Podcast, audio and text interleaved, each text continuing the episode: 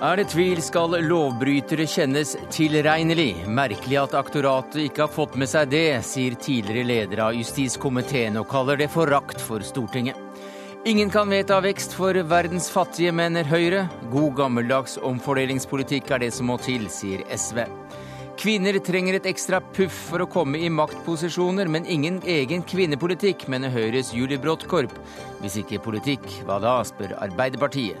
Og NRKs nye debattredaktør vil bygge broer, og får både råd og ris fra Aftenposten og Erik Knut her i Dagsnytt 18.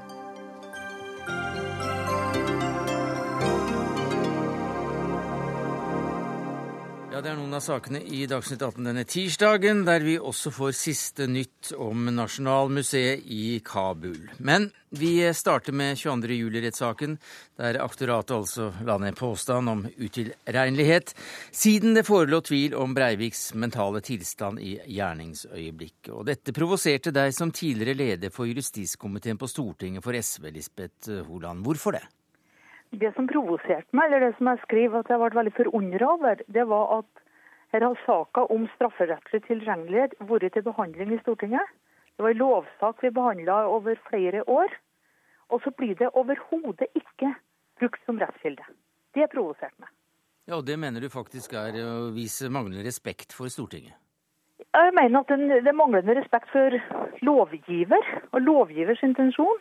For det ble vist altså til at en, en høyesterettsdom fra 1979 det var den sentrale rettskilden. Og så viste den til lovens forarbeider. Og det var en, en offentlig utredning, og så var regjeringas eh, forslag til Stortinget. Var, Stortinget sa nei til deler av forslaget. Og Stortinget uttrykte da i komitéinnstillinga eh, flere, flere prinsipielle merknader. Som jeg mener at burde brukes som rettskilde. Ja, for du, du, skriver uh, i Dag og Tid at Stortinget alltid i 1996 uttalte at folk i størst mulig grad skulle dømmes som tilregnelige. Ja, det er Stortinget, eller det at man skal kjennes mest at det, at uh, det er et verdistandpunkt. At mennesket i størst mulig grad skal være ansvarlig for sine gjerninger og dømmes for det de har gjort. Og at bare i de tilfellene der at det ikke er tvil om at en ikke har skyldevne, at en ikke overskjønt at, at den var i en psykisk tilstand, altså en psykotisk tilstand, som gjorde at hun ikke skjønte at det hun gjorde, var straffverdig. Ikke skjønt konsekvensene av det hun gjorde. Så det er altså utilregneligheten som også må bevises utover enhver tvil, ifølge uh, Stortingets intensjon? Ut ifra det jeg er referert til, så er det det. Men samtidig så må jeg ta med at jeg har fått en del reaksjoner på det jeg har skrevet. Jo, men det kommer vi tilbake til. for du, tilbake du får men, noen... Altså, poenget mitt er at Stortinget sa flere ting. Ja. En sa det som jeg har visst det, det er jo sitater fra, fra eh, komitéinnstillinga. Mm. Der en sier at uh, personer skal i størst mulig grad kjennes ansvarlig for sine gjerninger, og straffrihet bør forbeholdes de tilstander der det ikke kan være tvil om grunnlaget for straffrihet. Og Bør ikke da dette tas med i, i vurderingen bl.a. av aktoratet Erling Johannes Husabø? Du er professor i strafferett ved Universitetet i Bergen. Ja, For det første så uh, De sitatene som Lisbeth Holand gir i denne artikkelen, de framgår ikke av den uh, komitéinnstillingen som hun refererer til. Så det er noe underlig der som jeg ikke helt har fått tak i. Ja, men det, det, må vi rydde opp med en gang, eh, Holand. Jo, jeg siterer, jeg siterer ordrett fra innstillinga. Eh, det vil si innstilling O nummer 34. Mm, 96-97. Ja, OK, jeg har den foran meg, men jeg klarer ikke å finne den. Men uansett men vi, vi, vi, har, vi, har, det foran oss her i studio også, så jeg tror at vi skal gå ut fra at det er riktig. Uansett så uh, blander Lisbeth Holand sammen to spørsmål. Det ene er hver lovgiver skal trekke grenser for tilregnelighet, og det andre er hvordan domstolen skal praktisere den grensa som lovgiver trekker opp. Og det gir god mening for lovgiver å ha det standpunktet at han bør kun regne de som utilregnelige som er langt inne i området for de syke. Samtidig at domstolene, når de skal vurdere om vedkommende er på den ene sida eller den andre sida av denne grensa, skal anvende det alminnelige tvilsprinsippet i strafferetten. Men så lenge Stortinget selv uh, i sine arbeider med denne loven uh, gir, en, en annet, gir uttrykk for noe annet, skal ikke det tas hensyn til? Stortinget har, om de skulle ha uttalt noe i komiteen, slik som hun siterer her, så har de allikevel kun uttalt seg om hver lovgiver bør trekke denne grensa. Tvilsprinsippet, at rimelig tvil skal komme tiltalt til gode, er et grunnleggende rettssikkerhetsgaranti som både påtalemyndigheten og retten er bunden av, og det må en uttrykkelig, mer enn en uttrykkelig uttalelse i Stortinget. Det må antakelig en lovbestemmelse til for at han skal kunne fravike og snu opp ned på dette mm. prinsippet. Hva sier du til det, Ståle Eskeland, du er professor ved Universitetet i Oslo i strafferett? Ja, det syns jeg var et uh, nokså firkantet. Så det er klart at en eh, lov du, jeg er redd, Eskeland, jeg beklager at jeg må avbryte deg, men eh, det hakker og stotrer eh, fra der eh, du befinner deg i, i Fjellheimen, så der fikk Lisbeth Holand ingen særlig støtte. Men Lisbeth Holand, du får forsvare deg selv da, mot det som professoren i Bergen her sier. Ja, altså det han, han snakker om det grunnleggende tvilsprinsippet. Og det som det vil være spørsmål med, det er jo helt enig med han i at et grunnleggende tvilsprinsipp som gjelder om hvorvidt en person har gjort en gjerning. Der skal all tvil føre til frifinnelse. Men det er ikke det det snakk om her. Her er det snakk om skyldevne. Og det, det Der ikke, kan det ikke være de samme prinsippene som gjelder. fordi det kan jo oppfattes som og det, det er jo oppfattet at det var det som vi var opptatt av i Stortinget, at det har noe med menneskelig verdighet å gjøre å få lov til å bli kjent ansvarlig for sine gjerninger. Det er ikke et ubetinget gode. å, bli, å, å slippe straff når, når, det samtidig betyr at du, du, da blir kjent som at du ikke er ansvarlig for det du gjør. Eskeland, du er med oss igjen. Hva sier du til, til eh, din kollega i Bergen? Jeg syns det var et uh, nokså firkantet rettskildesyn. Altså, det er klart det at uh, domstolen, som i dette tilfellet nå uh, både kan og skal ta hensyn til hva Stortinget har ment om det spørsmålet vi nå diskuterer. Og Det kan ha kommet til uttrykk i en lovtekst, men det kan også ha kommet til uttrykk, eh, slik som her, i en komitéinnstilling, og muligens også, antagelig også, i debatten i Stortinget. Det er helt vanlig at, eh, at domstolene, eh, når de skal ta stilling til et spørsmål, bygger ikke bare på lovteksten, men også på det som er kommet frem i forarbeidene til loven. Så det er ikke noe ekstraordinært. Men dette, dette tok altså ikke eh, aktoratet hensyn til, eh, slik det kom fram eh, i det siste de sa? Ja, jeg vet ikke om de tok hen, ikke tok hensyn til det. Tok du i hvert fall ikke med i, i, den siste prosedyren? Ja, det er riktig at de ikke nevnte det, men, men, det kan jo skyldes at de rett og slett har oversett det. Mm.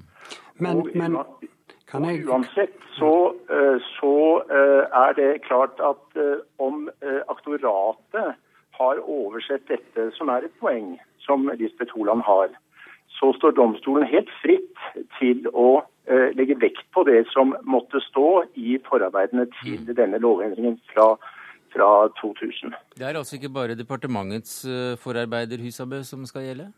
Nei, men da må jeg minne Ståle Eskeland på at han sjøl i læreboka si siste utgave også skriver at tvilsprinsippet skal gjelde også for tilregnelighetsspørsmålet. Det er, det er bare spørsmål om hvor strengt tvilsprinsipp som skal gjelde. Mm. Eskeland, du får nesten ta den, eh, den fighten der. Ja, altså uh, Tvilsprinsippet uh, Eh, skal jo gjelde. Men altså, her er vi på en, eh, på en, eh, en skala fra så å si 0 til 100. Og jeg skal ikke ha sagt noe om hva jeg mener er gjeldende rett på dette punktet i dag. Det er uklart, og, og det må domstolen ta, ta, stilling til. Og jeg er enig med Lisbeth Holand i at det til syvende og sist er et verdispørsmål. Mm. Anders, jeg... vi, vi, må nesten komme fra studio her. Eh, Eskeland Anders Løvli, du er advokat og du er stipendiat ved Universitetet i Oslo. Du mener at Lisbeth Holand har misforstått her. Hva er det hun har misforstått? Ja, misforstått er vel kanskje hardt i, men, uh, dette, jeg, ja, da, uh, men for, for, å bygge videre på det Husabø sier, så handler dette her om to forskjellige ting. Altså Det ene, det Stortinget diskuterte, og det som ble diskutert i Stortinget, var hvilke fenomener i verden, hvilke tilstander, hvilke syke tilstander skal føre til straffrihet? Det var spørsmålet. Ikke noe beviskrav knyttet til eh, tilstander, men hvilke syke tilstander vil vi skal føre til straffrihet. Og Så skulle man trekke grensene for det. Og Tradisjonelt da så har man hatt det sånn at de som er psykotiske, de blir straffrie. Så var det foreslått at man skulle utvide dette, sånn at man skulle inkludere flere. Fordi man fant at noen som falt utenfor psykosebegrepet, også hadde, en slik sjelelig tilstand at det ikke var rimelig å tildele dem straffskyld. Så diskuterte man det, eh, og det ble foreslått fra departementets side at man skulle ha en sånn type regel, og det gikk Stortinget imot. Og de sitatene som eh, som det er vist til, stammer fra den debatten. Altså mm. grensene for psykosebegrepet. Eh, og ikke til når man først har valgt psykose som begrep og som vilkår for straffrihet, ikke hvilket beviskrav som da skal slå til. Hva sier du til det, Holand? Nei, altså Det, det, det syns jeg absolutt er et poeng. For det var jo knytta til det, det sitatene viser til, det er jo knytta til, til, til utvidelsen som Stortinget gikk imot. Men det, det, det, som, men det som, Stortinget uttrykker i den sammenhengen, det er er verdispansepunkt som går på at folk i størst mulig grad skal kjennes tilgjengelig. Og så blir det et spørsmål om hvorvidt at den er psykotisk, psykotisk eller ikke. Det, det, er jo tydelig at her strides det. Mm. I størst mulig grad og det, og det kjennes til, tilregnelig også. Ja, det, og det Stortinget sa, at eh, det kan være, kan er rett å ha en, en absolutt straffrihetsregel for, folk, for den som er psykotisk, og da skrev, psyko, da, da skrev, Stortinget om psykotisk på den måten at eh, en ikke er i stand til å overskue konsekvensene av det en gjør, om ikke skjønner at det var mm. straffverdig, eller at en er så behandlingstrengende at det oppleves som meningsløst at en skal bli satt i fengsel. Løvlig. Vi må få en Løvlig her et øyeblikk, Holand. Ja. Ja. Ja da, og det, er, det, var sånn det skjedde, og det var sånn det gikk. Eh, og man valgte å ikke utvide grensene, men man sa altså ikke et ord om hvilket beviskrav som skulle gjelde når man først valgte psykose som vilkår. Men så har hun naturligvis rett i at eh, de verdivurderinger som ligger til grunn, det er jo verdivurderinger som er uttrykt av Stortinget, og som man kan ta i betraktning. Men noen særlig rettskildeverdi når man skal fastsette det strafferettslige beviskrav, som har eh, den tradisjonen det har, og hvor man har helt klokkeklare, i mine øyne, avgjørelser fra, fra Høyesterett som har uttalt seg om det her, eh, og man ikke har eksplisitt valgt å tematisere det, og det fremgår som eh, ganske, i mine øyne, anstrengt å innfortolke at det var beviskrav som var tema her, mm. så kan jeg ikke se at det kan få betydning for hvilket beviskrav man skal anvende i denne saken. Jeg vet ikke om det holder med, med første eller annen eller tredje avdeling på juss. Dette Frode Sulland. Som advokat så har du bistått uh, som vår ekspert under denne, denne rettssaken. For uh, programlederen er i hvert fall ikke noen av, av de gradene. Men du har tidligere sagt at folks rettsfølelse heller mot at Breivik er tilregnelig. Er det noe av det du nå også hører at eh, Holand legger inn i forarbeidene her? Ja, det kan vel kanskje tyde på det. For det er jo For det første så er det jo åpenbart interessant hva lovgiver selv mener, og mener at man har ment med det man skrev den gangen. Og det er jo særlig interessant da at man legger tydeligvis mer i dette enn det Løvli sier var en naturlig lesning av disse premissene den gangen. Og jeg var jo med på disse lovarbeidene den gangen, og oppfattet nok denne argumentasjonen veldig klart knyttet til at man ville holde det til en absolutt tilregnelighetsregel, og man ville for all del ikke få inn i psykiatrien grensetilfellene som det var snakk om også å omfattes av eh, en, en utilregnelighetsregel som var mer skjønnsmessig. Men i prinsippet da at uh, hovedregelen skal være at folk kjennes tilregnelig hvis det ikke er tvil? Jo, det er nok da slik at disse lovforarbeidene ikke endrer på den hovedregelen. Men det som denne saken mot Breivik reiser det store spørsmålet om, er jo hvor trekker man likevel grensen? Hvor sterke skal bevisene være for å anse ham for å være tilregnelig, altså straffeskyldig? Og der er det jo mange, og meg selv inkludert, som har tatt til orde for at man må relativisere dette beviskravet, og at det er flere momenter som kommer inn i vurderingen av at her må man anvende beviskravet noe annerledes enn det man vanligvis tenker seg. Men eh, så vidt eh, vi nå da kan se, så brukte aktoratet eh, forarbeidene til loven som, som noe av, av premisset for, for det, den konklusjonen de kom med, men tok ikke med Stortingets egen egne vurderinger rundt det? det jo, det må jeg vel si da blir en, en, en mangel ved en sånn drøftelse. Men det er også andre elementer i vurderingen av hvor strengt beviskravet skal være, som blir utelatt. F.eks. hvilken reaksjon vil her være mest hensiktsmessig? Er det aktuelt å plassere denne mannen i det psykiske helsevern, eller passer han best i en uh, forvaringsanstalt eller fengsel? Og også dette med hans eget ønske, som han jo har rasjonelt forankret i et ønske om å ta ansvar.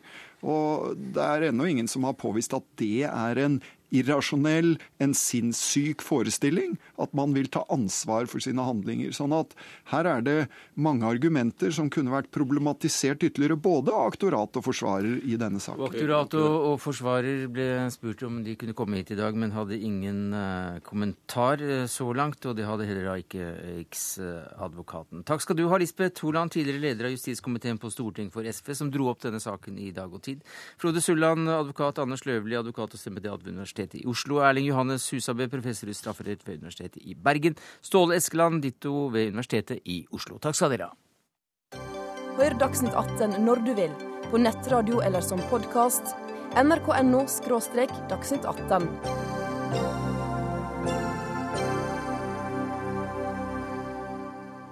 Mennesker løftes ut av fattigdommen i rekordtempo. 663 millioner de siste årene, vel og bra. Men er det økonomisk vekst alene eller politisk vilje til omfordeling som må til for at de fattige skal få det bedre? Ja, det er neste tema her i Dagsnytt 18, etter at du i Dagsavisen skrev en kommentar med tittelen 'God utvikling kan ikke vedtas'. Peter Gitmark, du er stortingsrepresentant for Høyre. Hva mener du med det? Ja, Først så mener jeg det er verdt å stoppe opp og glede seg over den fabelaktige utviklingen vi er inne i. De siste 10-15 årene så er det jo, som du sier, hundrevis av millioner mennesker som er hentet ut av fattigdom. Og fått lov å ta del av i en middelklasse. Det har skjedd, hvis en ser empirisk på det, fordi handel er den sterkeste drivkraften til økonomisk vekst, og økonomisk vekst skaper arbeidsplasser, og arbeidsplasser henter mennesker ut av fattigdom. Og så er det ikke vanskelig derfra å være enig og si at ja, men et land er mer stabilt hvis det har en god omfordelingspolitikk, og eh, hvis det er kun en elite som sitter med den økonomiske veksten, ja, men da henter du ikke mennesker ut av fattigdom. Men samtidig Samtidig så bommer man jo stygt hvis en da tror at det er omfordeling som skaper økonomisk vekst. Det er det lite som kan uh, tyde på, selv om uh, land med god omfordeling har høy økonomisk vekst. Unni Berger, vi er politisk rådgiver i, uh, i, SV, og dere mener det er omfordeling som er en nøkkel, kom det fram i et slags svar fra ministeren i dag? Ja, Det som utviklingsministeren har eh, påpekt, er at eh, de siste ti åra har vi opplevd høy økonomisk vekst i en del fattige land. 20 fattige land har eh, gått fra å være lutfattige til å gå over til å være middelsinntektsland. Problemet er at eh, i de landene her så ser vi knapt noen nedgang i tallet på fattige. Og da snakker vi om absolutt fattigdom. Vi snakker om mennesker som lever for 7-8 kroner dagen. Eh, så det er de absolutt fattige. Slik at eh, økonomisk vekst uten omfordeling, det kommer ikke de fattige til gode. Og Derfor så ønsker utviklingsminister Heikki Holmås å reise en debatt om hva bør være den gode utviklingspolitikken framover. Ja, det er den vi har nå. Hvordan, Men Gitmark, ja. altså, økonomisk vekst eh, alene hjelper ikke de fattigste? Nei, det, det trenger det absolutt ikke gjøre. Men eh, det man har sett f.eks. i Kina, eh, hvor vi har sett de fleste parten av de hundrevis av millioner mennesker som har kommet ut av fattigdom, er jo eh, både det at det er noen som blir superrike, men det medfører faktisk at man skaper så mange arbeidsplasser. Du har så store migrasjonsstrømmer som flytter hvor arbeidsplassene er. Og det er en middelklasse nå som er langt større enn den noen gang har vært, og faktisk større enn i noe annet land. Eh, så uten den økonomiske veksten så har har man ikke mulighet for å drive omfordeling, for da har man ikke noe å omfordele. Så det handler litt om, om, hvordan vi starter denne debatten. Der hvor jeg mener Heikki Holmås og, og, SV spesielt har et stort problem, er jo at man tror at omfordeling av seg selv medfører økonomisk vekst. Men der Høyre er helt enig, er at vi må ha en økonomisk vekst for at vi kan drive omfordeling. Men den omfordelingen må ikke skje gjennom norsk utviklingspolitikk. Det kan ikke være sånn at bare fordi at vi har en utviklingspolitikk, så skal vi påtvinge omfordelingen et land som ikke ønsker den. Men vi ønsker jo at det skal skje.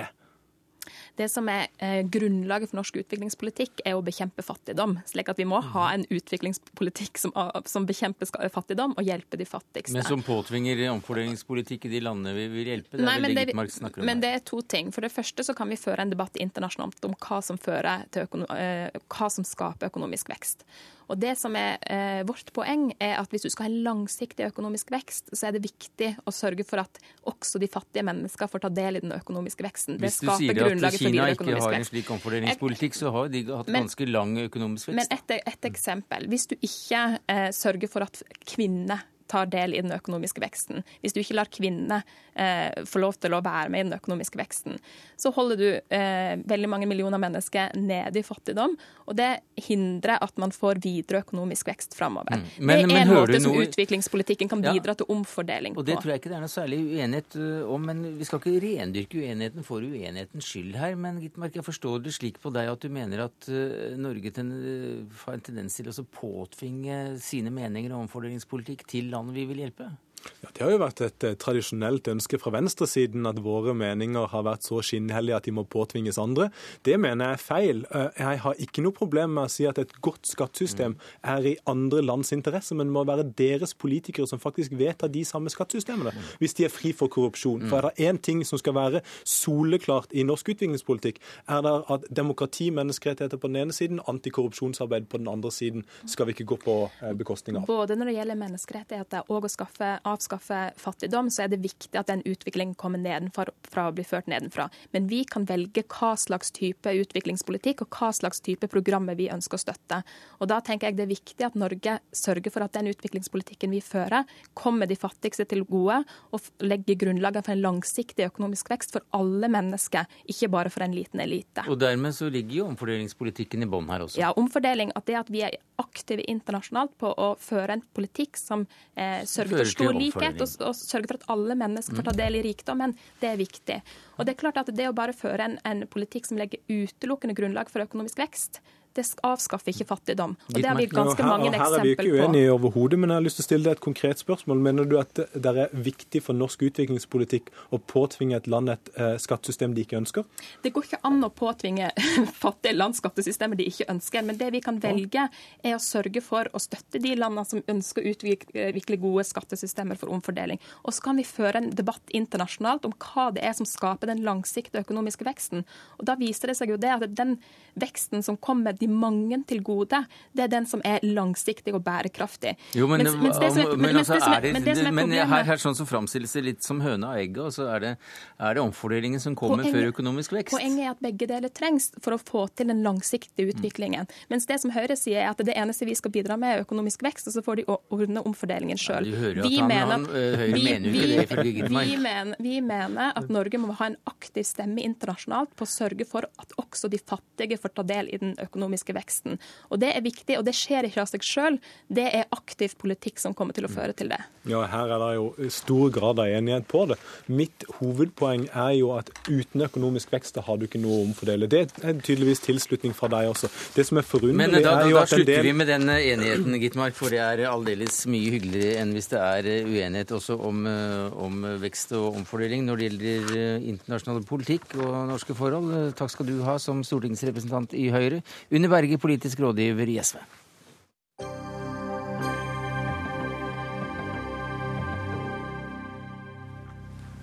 Hva skjer i Syria etter at al-Assad er ferdig som eh, president på et eller annet eh, vis? Jo, usikkerheten er stor, med henvisning til landets mangfold av religiøse og etniske grupper.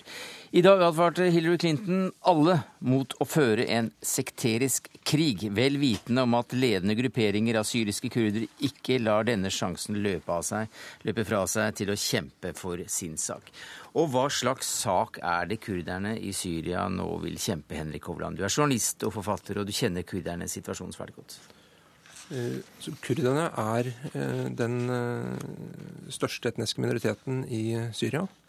Eh, de er, eller har vært undertrykt, slik de også har vært i uh, Tyrkia og i Iran og i Irak. Uh, inntil de fikk sitt, et område som de mer eller mindre kontrollerer selv. så altså større frihet er, jo noe kurderne ønsker, eller de kurderne i Syria, i likhet med veldig mange andre innbyggere i Syria. Det jeg tror det er viktig å huske på, er at først så er kurderne et stort folk. Altså de er cirka, ja, det, er, det strides om hvor mange det er, men la oss si det er ca. 24-34 millioner mennesker i Midtøsten og vestlig Asia.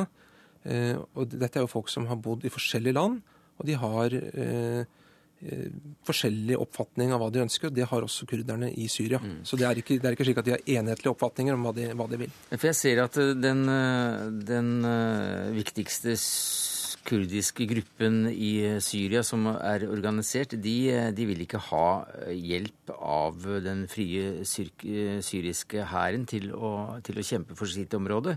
De vil selv jage regjeringssoldatene ut av det de vil kalle Vest-Kurdistan et skillelinje, altså et skillelinje som går mellom, eh, mellom, forskjellige kurdiske grupperinger, er jo dette om man skal ha en, et stort uh, kurdisk selvstendig land. Kurdistan. Uh, ja, men altså Kurdistan kan jo også være et autonomt område. Mm. Uh, I de forskjellige landene hvor det er kurdisk befolkning, så er det ikke noe veien for at man har rett til skoler hvor det undervises i kurdisk, eller rett til å ha butikker med kurdiske navn. altså Det er masse rettigheter man godt kan ha, som man ikke har i dag. Eh, men som ikke betinger en egen stat.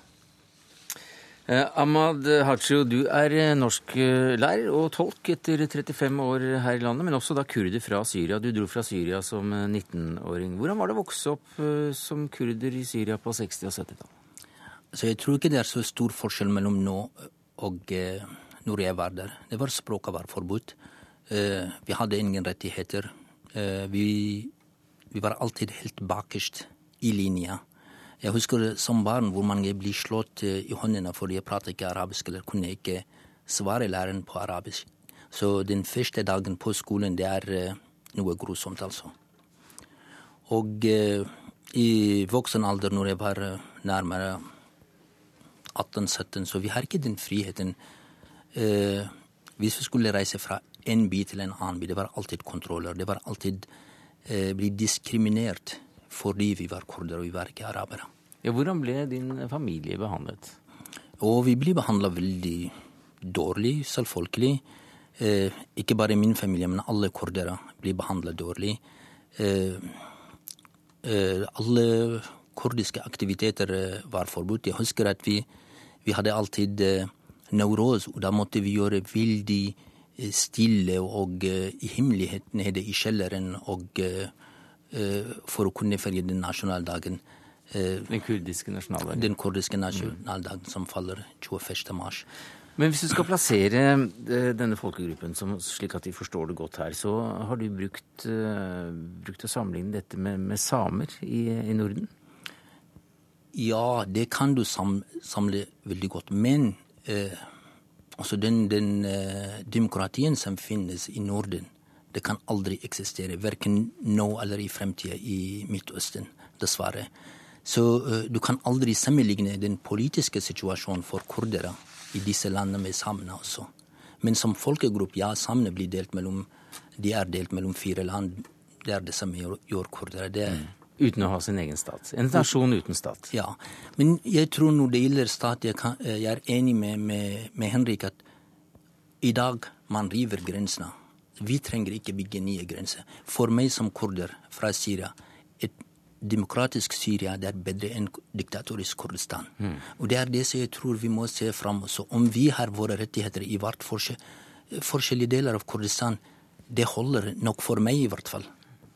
Men Haaland, eh, det har jo også da vært eh, nevnt som verdens største nasjon, uten egen stat, eh, som bare glimtvis har hatt en slags selvstendighet eh, først under i forbindelse med Folkeforbundet og president eh, Wilson.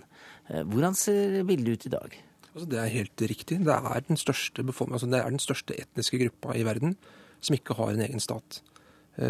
Og de ble da lovet en stat etter første verdenskrig.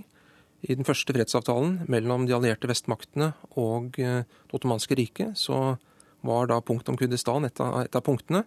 Men eh, deretter så kom da den tyrkiske uavhengighetskrigen. Eh, og de områdene de var blitt lovet som egen stat, det lå da primært i, i Tyrkia.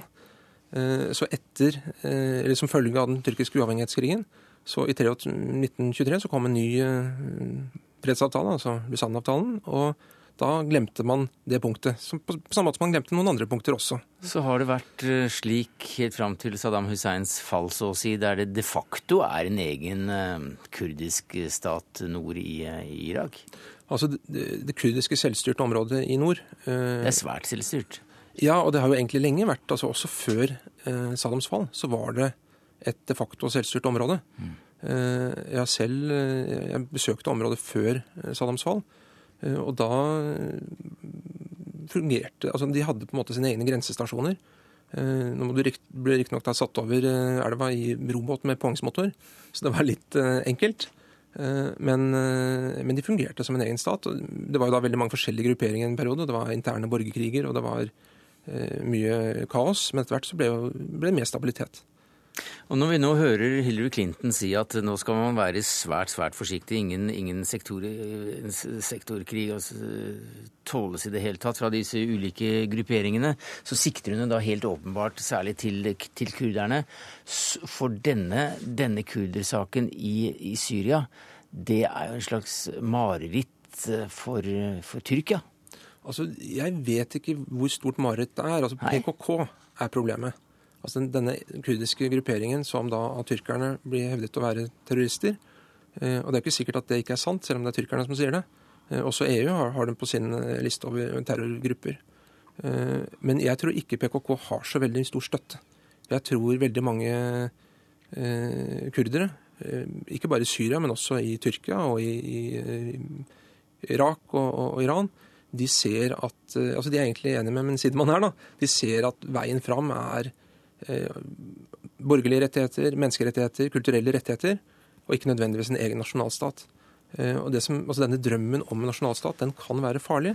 Det, er, eh, altså det kan lett lede til ny undertrykkelse av andre minoriteter. Og de som har vært ofre, kan fort bli overgripere. Mm.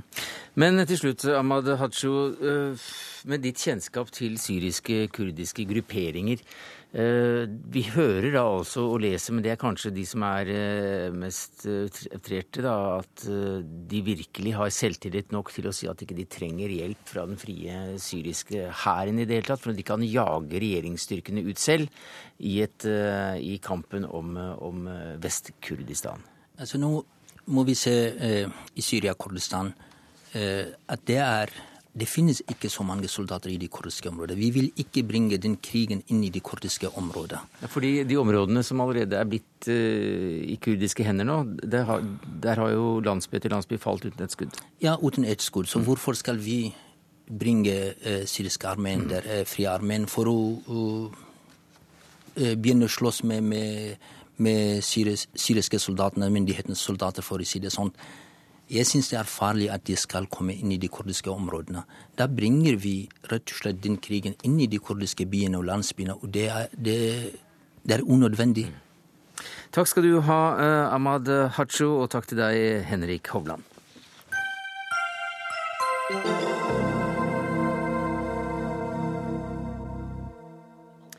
Høyre vil at flere kvinner skal få maktposisjoner i næringslivet, men avviser at politisk makt er veien å gå. Julie Bråttkorp, som leder av Høyres eh, kvinneforum, så er det du som sier dette i et intervju med Finansavisen i dag. Hvis ikke politisk makt er veien å gå, hvordan skal dere sikre at flere kvinner får maktposisjoner?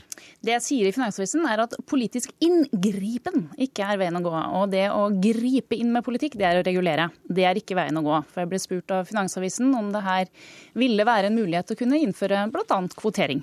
Det jeg mener man kan gjøre, er å sørge for at man fremmer de gode rolleforbildene. Vi har mange kvinner som klarer å kombinere et familieliv med en topplederstilling. Vi har et næringsdepartement som har store konferanser hvor de samler de eierne som bestemmer hvem som skal sitte i administrasjonen i disse selskapene. Der burde temaet være på en av disse konferansene Hvorfor velger ikke disse eierne å få flere kvinner inn i disse stillingene? Men Det er alternativer til uh, en slags reguleringspolitikk. Men uh, hvorfor er ikke da uh, veien å gå å regulere her?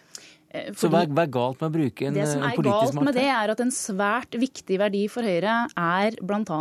eiendomsretten. Hvis jeg som politiker skulle gå inn i ditt private selskap, som du har bygd opp med dine private midler, og styre hvem som skal forvalte dine verdier, så ville vi brutt med noen demokratiske prinsipper som vi ikke er villige til å bryte med. Men det er du, Jette Christensen, stortingsrepresentant for Arbeiderpartiet? Ja, Det var jo Høyre òg når de var for 40 kvinneandel i ASA-styrene. Men vi ser det at kvinner er i flertall i høyere utdanning. Og likevel så er de en uutnytta ressurs i næringslivet. Og det er et problem ikke bare for den enkelte og ikke bare for bedriften, men òg for samfunnet, og det er et politisk problem. Og vi mener at vi må løse politikk, eh, eller politiske problem med politikk. Eh, og da eh, vil vi f.eks. gjennom Innovasjon Norge, som har satsa 2,2 milliarder kroner til kvinnerettede prosjekter og bedrifter. Siva har satsa 36 millioner kroner på kvinneinvasjon.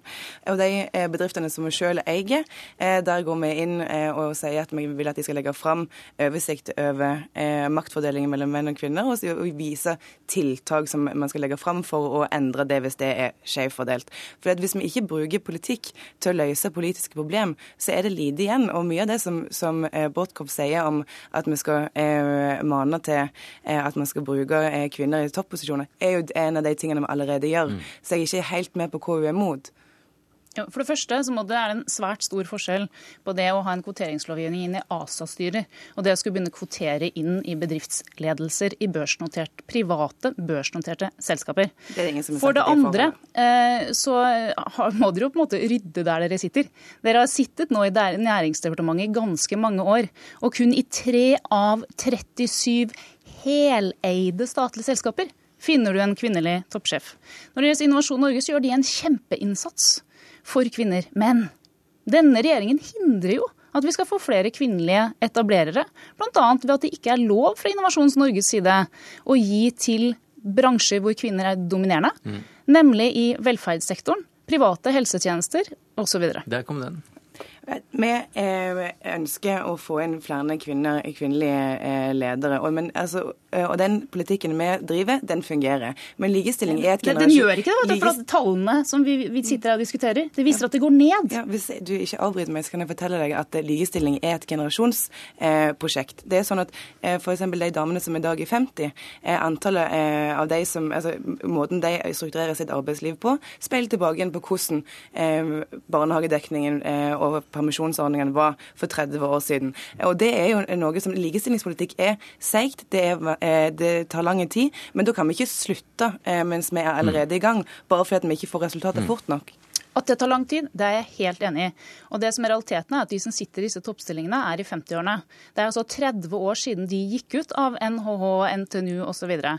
så der må vi være tålmodige, men samtidig utålmodige på at vi vet at hvis vi ikke gjør aktive ting, så vil det gjerne være likt. Fordi... Ja, aktive ting er vel å drive politikk når jo, det gjelder kvinnearbeid? Men, men politikk er jo også holdningsarbeid. Politikk er jo også å sette gode rolleforbilder. Politikk er å bruke og påvirke gjennom departementene. Det jeg har sagt nei til, er flere reguleringer, og det jeg da kalte for politisk inngripen. Mm. Det handler ikke om reguleringer. Det, de tiltakene som jeg eh, nevnte i stad, det er jo noe som både er holdningsskapende eh, og som får flere kvinner opp og fram. Eh, og det er iallfall mye mer effektivt enn å ikke gjøre noe. Og du sier at du ikke vil bruke politikk til Nei, det det jeg til... sier at jeg ikke vil bruke politisk inngripen. Hvis du, nå du, ser her på sitatet mitt, så ligger det der, og ja, det står politisk lese, inngripen. Men avviser at, eh, avviser at politisk makt er veien. Du har ikke lyst til å bruke du, du leser politisk... ingressen. Hvis du leser sitatet, så står det 'Jeg tror kvinner trenger et puff', men vi skal ikke ikke bruke politisk inngripen. Jeg tror folk får kjøpe avisen selv etter hvert, men eh, debatten eh, takker vi for. Jette Christensen, stortingsrepresentant for Arbeiderpartiet, og Julie Bråttkorp, leder av Høyres kvinneforum.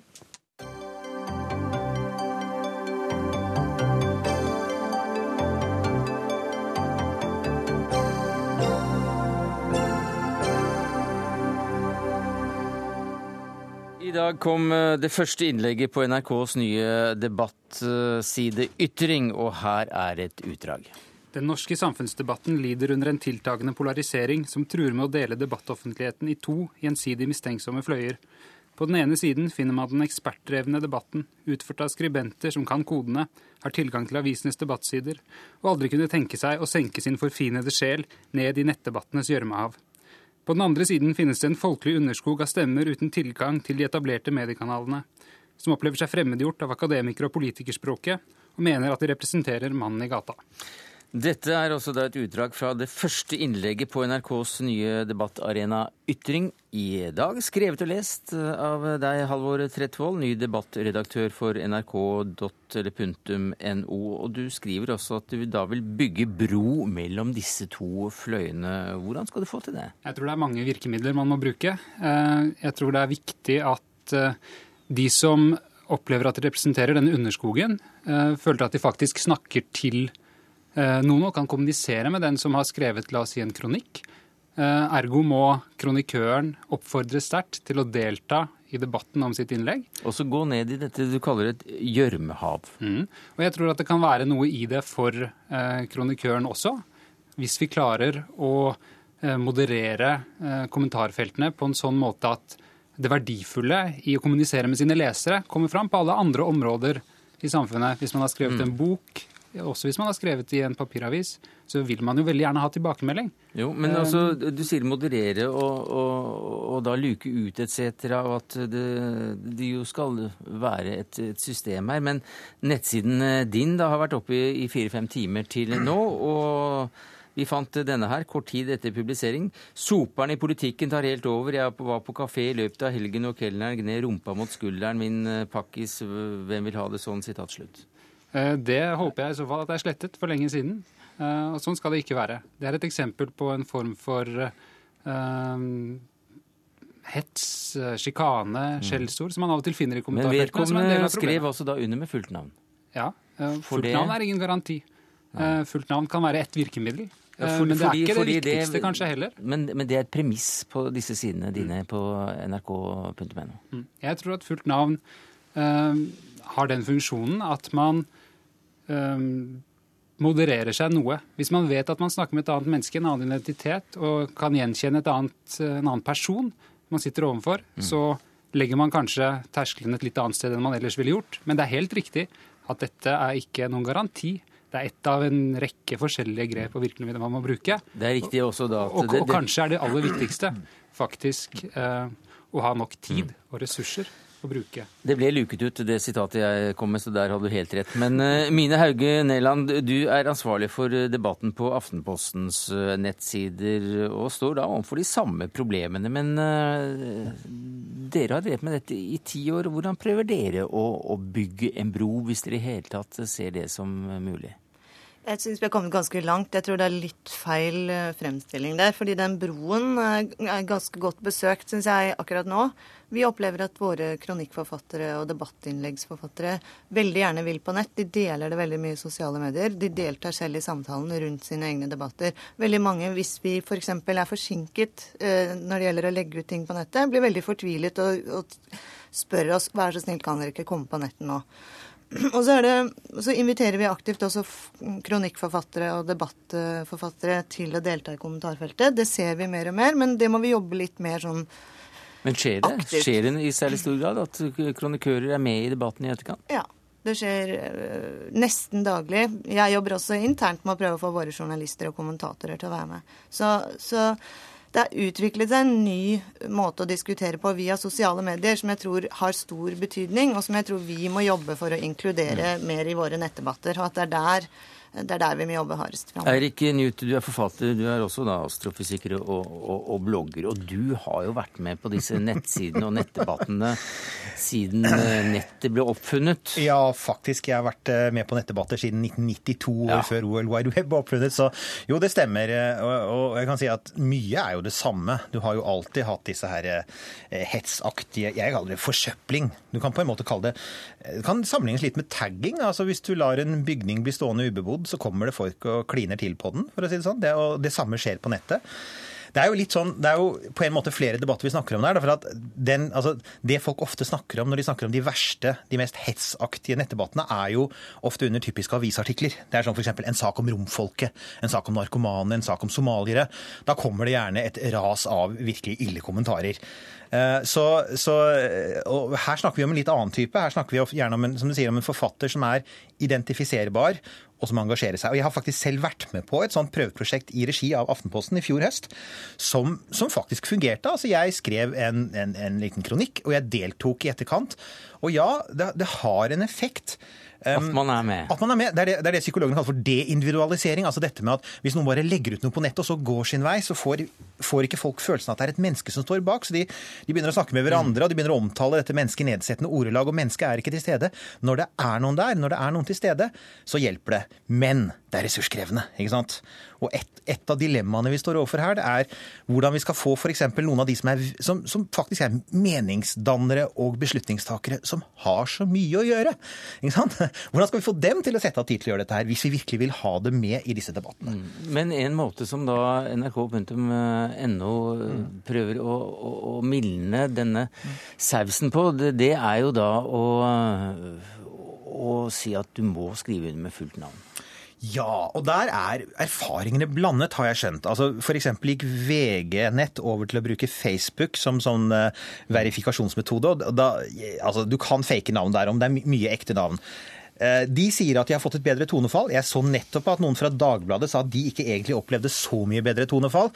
Så jeg, jeg har lenge mistenkt at på en måte så altså Til å begynne med så er det en del som tenker å, jeg bør ikke si dette under fullt navn. men på den annen side, folk bruker Facebook og sier veldig mye rart der òg, under fullt navn. Mm. Så jeg mistenker at, at, folk blir litt sånn desensitert. Altså etter en stund så forsvinner mye av den frykten. Så, så jeg tror nok at det er et mindre viktig virkemiddel enn en aktiv deltakelse og moderasjon. Neland. Ja, jeg, min erfaring er det samme. Jeg tror ikke det har så stor betydning som, som mange mener. Og jeg har sett en del eksempler på at uh, de verste ting skrives også under fullt navn. Men, de, men Aftenposten forlanger ikke fullt navn? Nei. Nei. Vi har noen seksjoner som har Facebook-kommentarfelt, og noen som, som tillater anonymitet. Mm. Uh, jeg er helt enig med Newt her i at det neppe er det viktigste virkemidlet. Jeg syns altfor mye av debatten om Eh, kommentering eh, på nett har handlet om spørsmål om anonymitet eller ikke. Jeg er egentlig opptatt av å få diskusjonen over i et spor hvor vi kan snakke om andre virkemidler. Ressurssituasjonen er viktig. Eh, jeg tror at det kan være fornuftig å lage en Eh, noen, ha noen gulrøtter, ikke bare en pisk, ikke bare en kjepp. Kanskje man kan belønne bidrag som eh, er gode i kommentarfeltet. Eh, I, på internett er det ikke knapphet på plass, sånn som det er i papiraviser eller radioprogrammer med begrenset tids, tidsramme, men det er knapphet på oppmerksomhet. Hvorfor kan man ikke gi de kommentarene som har noe ved seg, som er et relevant bidrag, gjerne kritisk, til samtalen, mm. mer plass eller en annen fargebakgrunn, eller på en eller annen måte utheve de mm. i kommentartråden. Men, men, det Newt var inne på her, tror mange er ganske vesentlig, nemlig at eh, det å bygge broen altså fra de som skriver eh, kommentaren eller kronikken, og til de som eh, kommenterer, den kan være ganske vrient på at det tar jo veldig lang tid. Og de som kanskje skriver best og mest interessant som folk vil lese, de har ganske mye å gjøre. Ja, vi i redaksjonen Du kan ikke si til Newt at nei, nå må du følge med i 14 dager og så svare på det. nei, det er ikke sikkert, sikkert for all del. Vi, vi, har noen eh, Vi har tenkt som så at vi ikke skal ha flere kommentarfelt åpne samtidig enn vi klarer å håndtere mm. som redaksjon. Så vi må kunne klare å håndtere den mengden av kommentarer som foregår. Og Vi har også tenkt å legge til rette så langt vi klarer overfor kronikører eller uh, i og for seg også kommentatorer i NRK som skriver noe på ytring. Uh, og um, gi et tips, et hint om at her er det noe relevant som vi mener at du bør inn igjen og svare på. Altså, nå, en ting som det veldig sjelden snakkes om eh, i denne sammenhengen, det snakkes mye om, om det dårlige tonefallet og sånn, men det jeg er litt opptatt av, er at her har vi et veldig svært debattforum med veldig liten gjennomslagskraft. Altså Noe av det mest påfallende med, eh, med aviskommentarfeltene er jo at når de genererer saker, så er det stort sett saker om hvor dårlige de er. Og jeg tror jo ikke at alt som er i disse kommentarfeltene er dårlig. Jeg, det fins helt sikkert gullkorn der, men sånn som det er nå, så, så, så er det såpass mye dårlig, det er såpass vanskelig å finne det som er bra. Og det gjør jo at Sånn at du bruker selv ikke noe særlig tid på å følge med i debatten? Du, ja, altså, jeg har gitt opp. Jeg har gitt opp fordi det er så vanskelig. Du har helt rett, det er så vanskelig å finne det. Og en av de tingene som, som, som er mest slående med det, er jo at hvis det er sånn at journalister i det hele tatt finner ting av verdi i kommentarfeltene, så, så, så omtales det veldig sjeldent. Eh, hvis det er sånn at det er virkelig gode kommentarer, ja, så front det på forsiden av nrk.no. Gjør et eller annet som sier at som, For du har helt rett, det har vært altfor lite gulrot. Og det har vært altfor mye utskjelling. Det er uten tvil gode penner der ute. Det er noe av det som slår meg, altså, som, som i tillegg til alt det negative. Det er noen gode penner der. Jeg tror ikke helt på at du ikke følger med på nettdebattene. Men, uh... jo, men det gjør jeg. Men jeg har gitt opp en del av dem. altså. Ja. VG-nett har jeg gitt opp. ok. Ja. Men først av alt så, så, har jeg bare lyst til å si til NRK at jeg syns det er kjempebra at de lager en sånn debattarena. Jeg tror det er utrolig viktig å få flere mediemiljøer som jobber aktivt med nettdebatt. Jeg tror det betyr mye for mange som vi ikke alltid får med oss. Mange, det er altså 3% av kvinnelige lesere og 7% av mannlige? Som er med i sosiale medier, eller hva tenker du på som skriver i kommentarfeltene i VG? Det var det siste jeg leste. Det er flere og flere som deltar i digitale samtaler rundt mm. omkring. Så det handler om å bygge det stedet hvor de vil være. Mm. Så tror jeg istedenfor å håpe at alle eksperter skal samle seg der og være med på én formativ og vesentlig samtale, så kan man tenke at man må bygge mange små, gode samtaler. Det holder at det er tre flinke folk som er med i den diskusjonen, og som driver den videre. En masse små, viktige delsamtaler hvor ikke alle må være med på alle. Men eh, hva er da, hva er da hovedhensikten for NRK med å sette i gang en, eh, en slik eh, debattredaksjon og en slik nettside? Vi ønsker jo å ha kronikker og kommentarer som en vesentlig del av tilbudet til leserne våre på nrk.no. Det er én side av det. Samtidig så ser jeg noen veldig veldig store muligheter, uutnyttede muligheter i nettdebatt som eh, arena for, eh, for, demokratisk meningsdannelse. Man skal ta store ord i sin munn. Eh, pilene, de store, tunge trendene i medieutviklingen, peker i retning av nettets voksende betydning, papiravisenes dalende oppslutning i lesertall. Det betyr, og det er unge folk som bruker nett, det betyr at framtida vil i mye større grad være digital. Vi er nødt til å forsøke å være med på å bygge eh, rammeverket, mm. infrastrukturen, i den offentligheten som og blir framtidas Den første kronikken, så å si, eh, i, eh, i, i, denne sammenheng, den har du skrevet selv. Den kom på trykk i dag. Hva syns du om responsen? Jeg syns det har vært Hvor stor respons har du fått? Det er en halvtimes tid siden jeg sist var inne og sjekket, og da var det Eh, mellom 60 og 70 kommentarer eh, på den, som, den artikkelen som jeg skrev i dag. Det er mye eh, godord. Eh, det er en pågående debatt omkring dette med anonymitet eller fullt navn. Mm. Eh, som jeg syns er eh, interessant, og som vi lar løpe. Og som vi også har tatt her, takket uh, vare være deg, Eirik Knut, forfatter, astrofysiker og blogger, Mine Hauge Neland, nettdebattansvarlig for aftenposten.no, og også Halvor Tretvold, debattredaktør i nrk.no.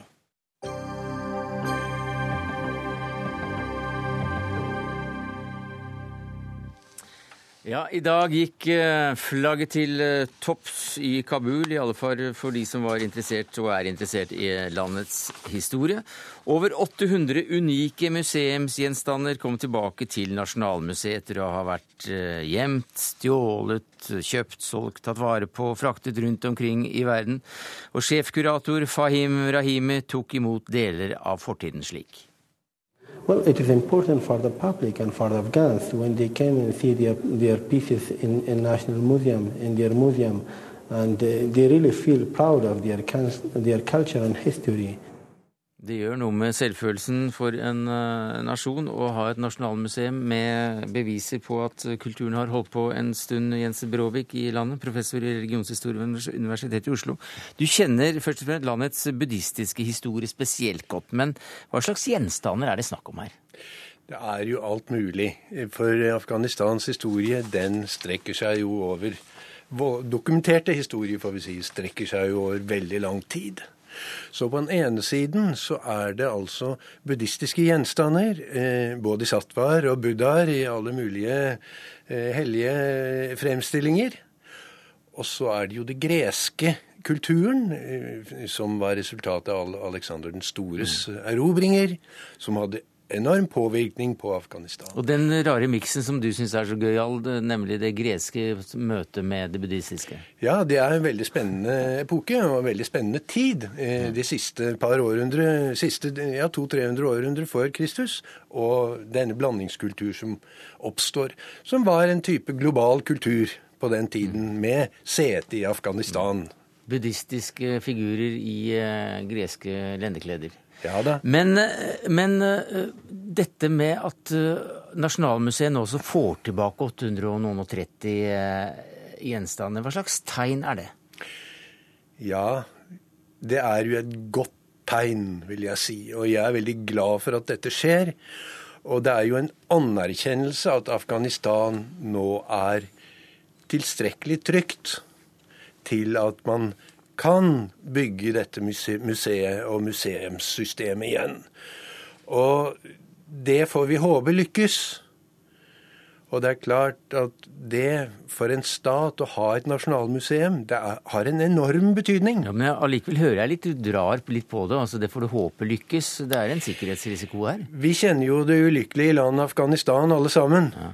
Og, og, det eh, må man jo være bekymret for eh, hva, hvordan, hva, som kommer til å skje i Afghanistan i det hele, og dermed også for, for Nasjonalmuseet. Men jeg vet jo det, at det er en rekke rekke mennesker der som er meget hardtarbeidende og har gjort en stor innsats for å bevare eh, disse skattene, kulturskattene, mm. også under Taliban. De er kulturhelter. Og den utstillingen som nå er i Trondheim, ja. Det er jo resultatet av denne heltemodige bevaring av eh, gammelt gull i Afghanistan. Ja, For i Trondheim så er også da en av landets viktige skatter eh, innom på en verdensturné som har vart siden 2006. Og, og du har snakket med de helt, kulturheltene som klarte å redde den. Hva slags folk er det? Nei, det, jeg var heldig å være med på åpningen der oppe ja. og holde et foredrag om, om, Afghanistans historie. Og det er jo veldig engasjerte personer som ønsker, som er interessert i historien. Men selvfølgelig, det er jo et problem i Afghanistan at det er mange krefter der der som ønsker å ødelegge denne historien. Som vi har sett ikke minst med de to berømte store buddha-figurene som ja. Som er meget velkjent. Mm. Ved, og det var jo et bilde som sitter på nett hinnen kanskje fremdeles til mange mennesker. Men disse heltene her, de har du lyst å, å hjelpe på, på, en måte som du sier ikke trenger å koste all verdens av kroner, men du mener at Norge bør engasjere seg i å nettopp trene opp uh, eksperter på bevaring? Altså, Norge har vært sjenerøse når det gjelder å gi kulturpenger til Afghanistan. Men de har gitt penger til eh, store organisasjoner som Aga Khan Foundation og andre ideelle internasjonale organisasjoner. Det å starte prosjekter, det har de ikke gjort. Og det er det man må gjøre. Det nytter ikke å strø penger utover landskapene. For faktisk så tror jeg ikke det er så dårlig med penger til sånne formål i Afghanistan. Men det er vanskelig med ekspertisen. Og det at Norge kan bidra til et prosjekt med å utdanne afghanere til arkeologer, filologer, historikere, som kan forvalte dette. Det er det aller viktigste. For det hjelper ikke med penger. Man må kunne utvikle rutiner og måter å bevare dette på. Her trengs det arbeidskraft, ekspertise og internasjonal hjelp, kanskje til å lage rutiner for å evakuere mm. sånne objekter. Det burde man i hvert fall ha i Syria i dag og mange andre steder. Så kanskje man kan begynne å bygge sånne prosjekter. Det er virkelig mitt håp. For uh, kompetanseutvikling, det mener du at uh, Norge er i stand til å kunne bidra med når det gjelder uh museumsdrift? Ja, altså Universitetet i Trondheim, eh, som har laget denne, eh, denne utstillingen. Eh, eh, Aksel Kristoffersen der oppe er meget interessert i dette. At vi kan lage et samarbeid om det. Og vi har snakket med disse afghanerne, som virkelig og ber oss om dette. Dette er det vi trenger. Vi ønsker å sende studenter til Norge som kan utdannes museumsvakter, arkeologer, alt som trengs. For det er det som skaper stabilitet her, altså. Ikke bare å strø penger utover dem. Det det vil bety økt sikkerhet for gjenstandene? Det vil gjøre, for er det folk som er engasjert i dem, som vet hva de er, som vil passe på dem, som vil se til at de finner sin rette plass i nåtid og historie, for den saks skyld. Eh, at eh, Taliban nå kan eh, komme tilbake i en, en økt, med økt styrke om et års tid eller to, hva sier det deg om sjansene for å kunne bevare disse som gjenstandene som er ført tilbake? Vi vet jo ikke dette. Og nå ser vi jo at man har bestemt å sende disse objektene tilbake. Da gjør verden det. Og da må vi håpe det beste og støtte opp om det på alle måter. Takk skal du ha, Jens Brorvik, professor i religionshistorie ved Universitetet i Oslo, som var sistemann ut i Dagsnytt 18. Det hele var uh, laget av Jonas Haagensen, som var ansvarlig for uh, sendinga. Det tekniske ansvaret hadde Lisbeth Sellereite. Jeg heter Sverre Tom Radøy.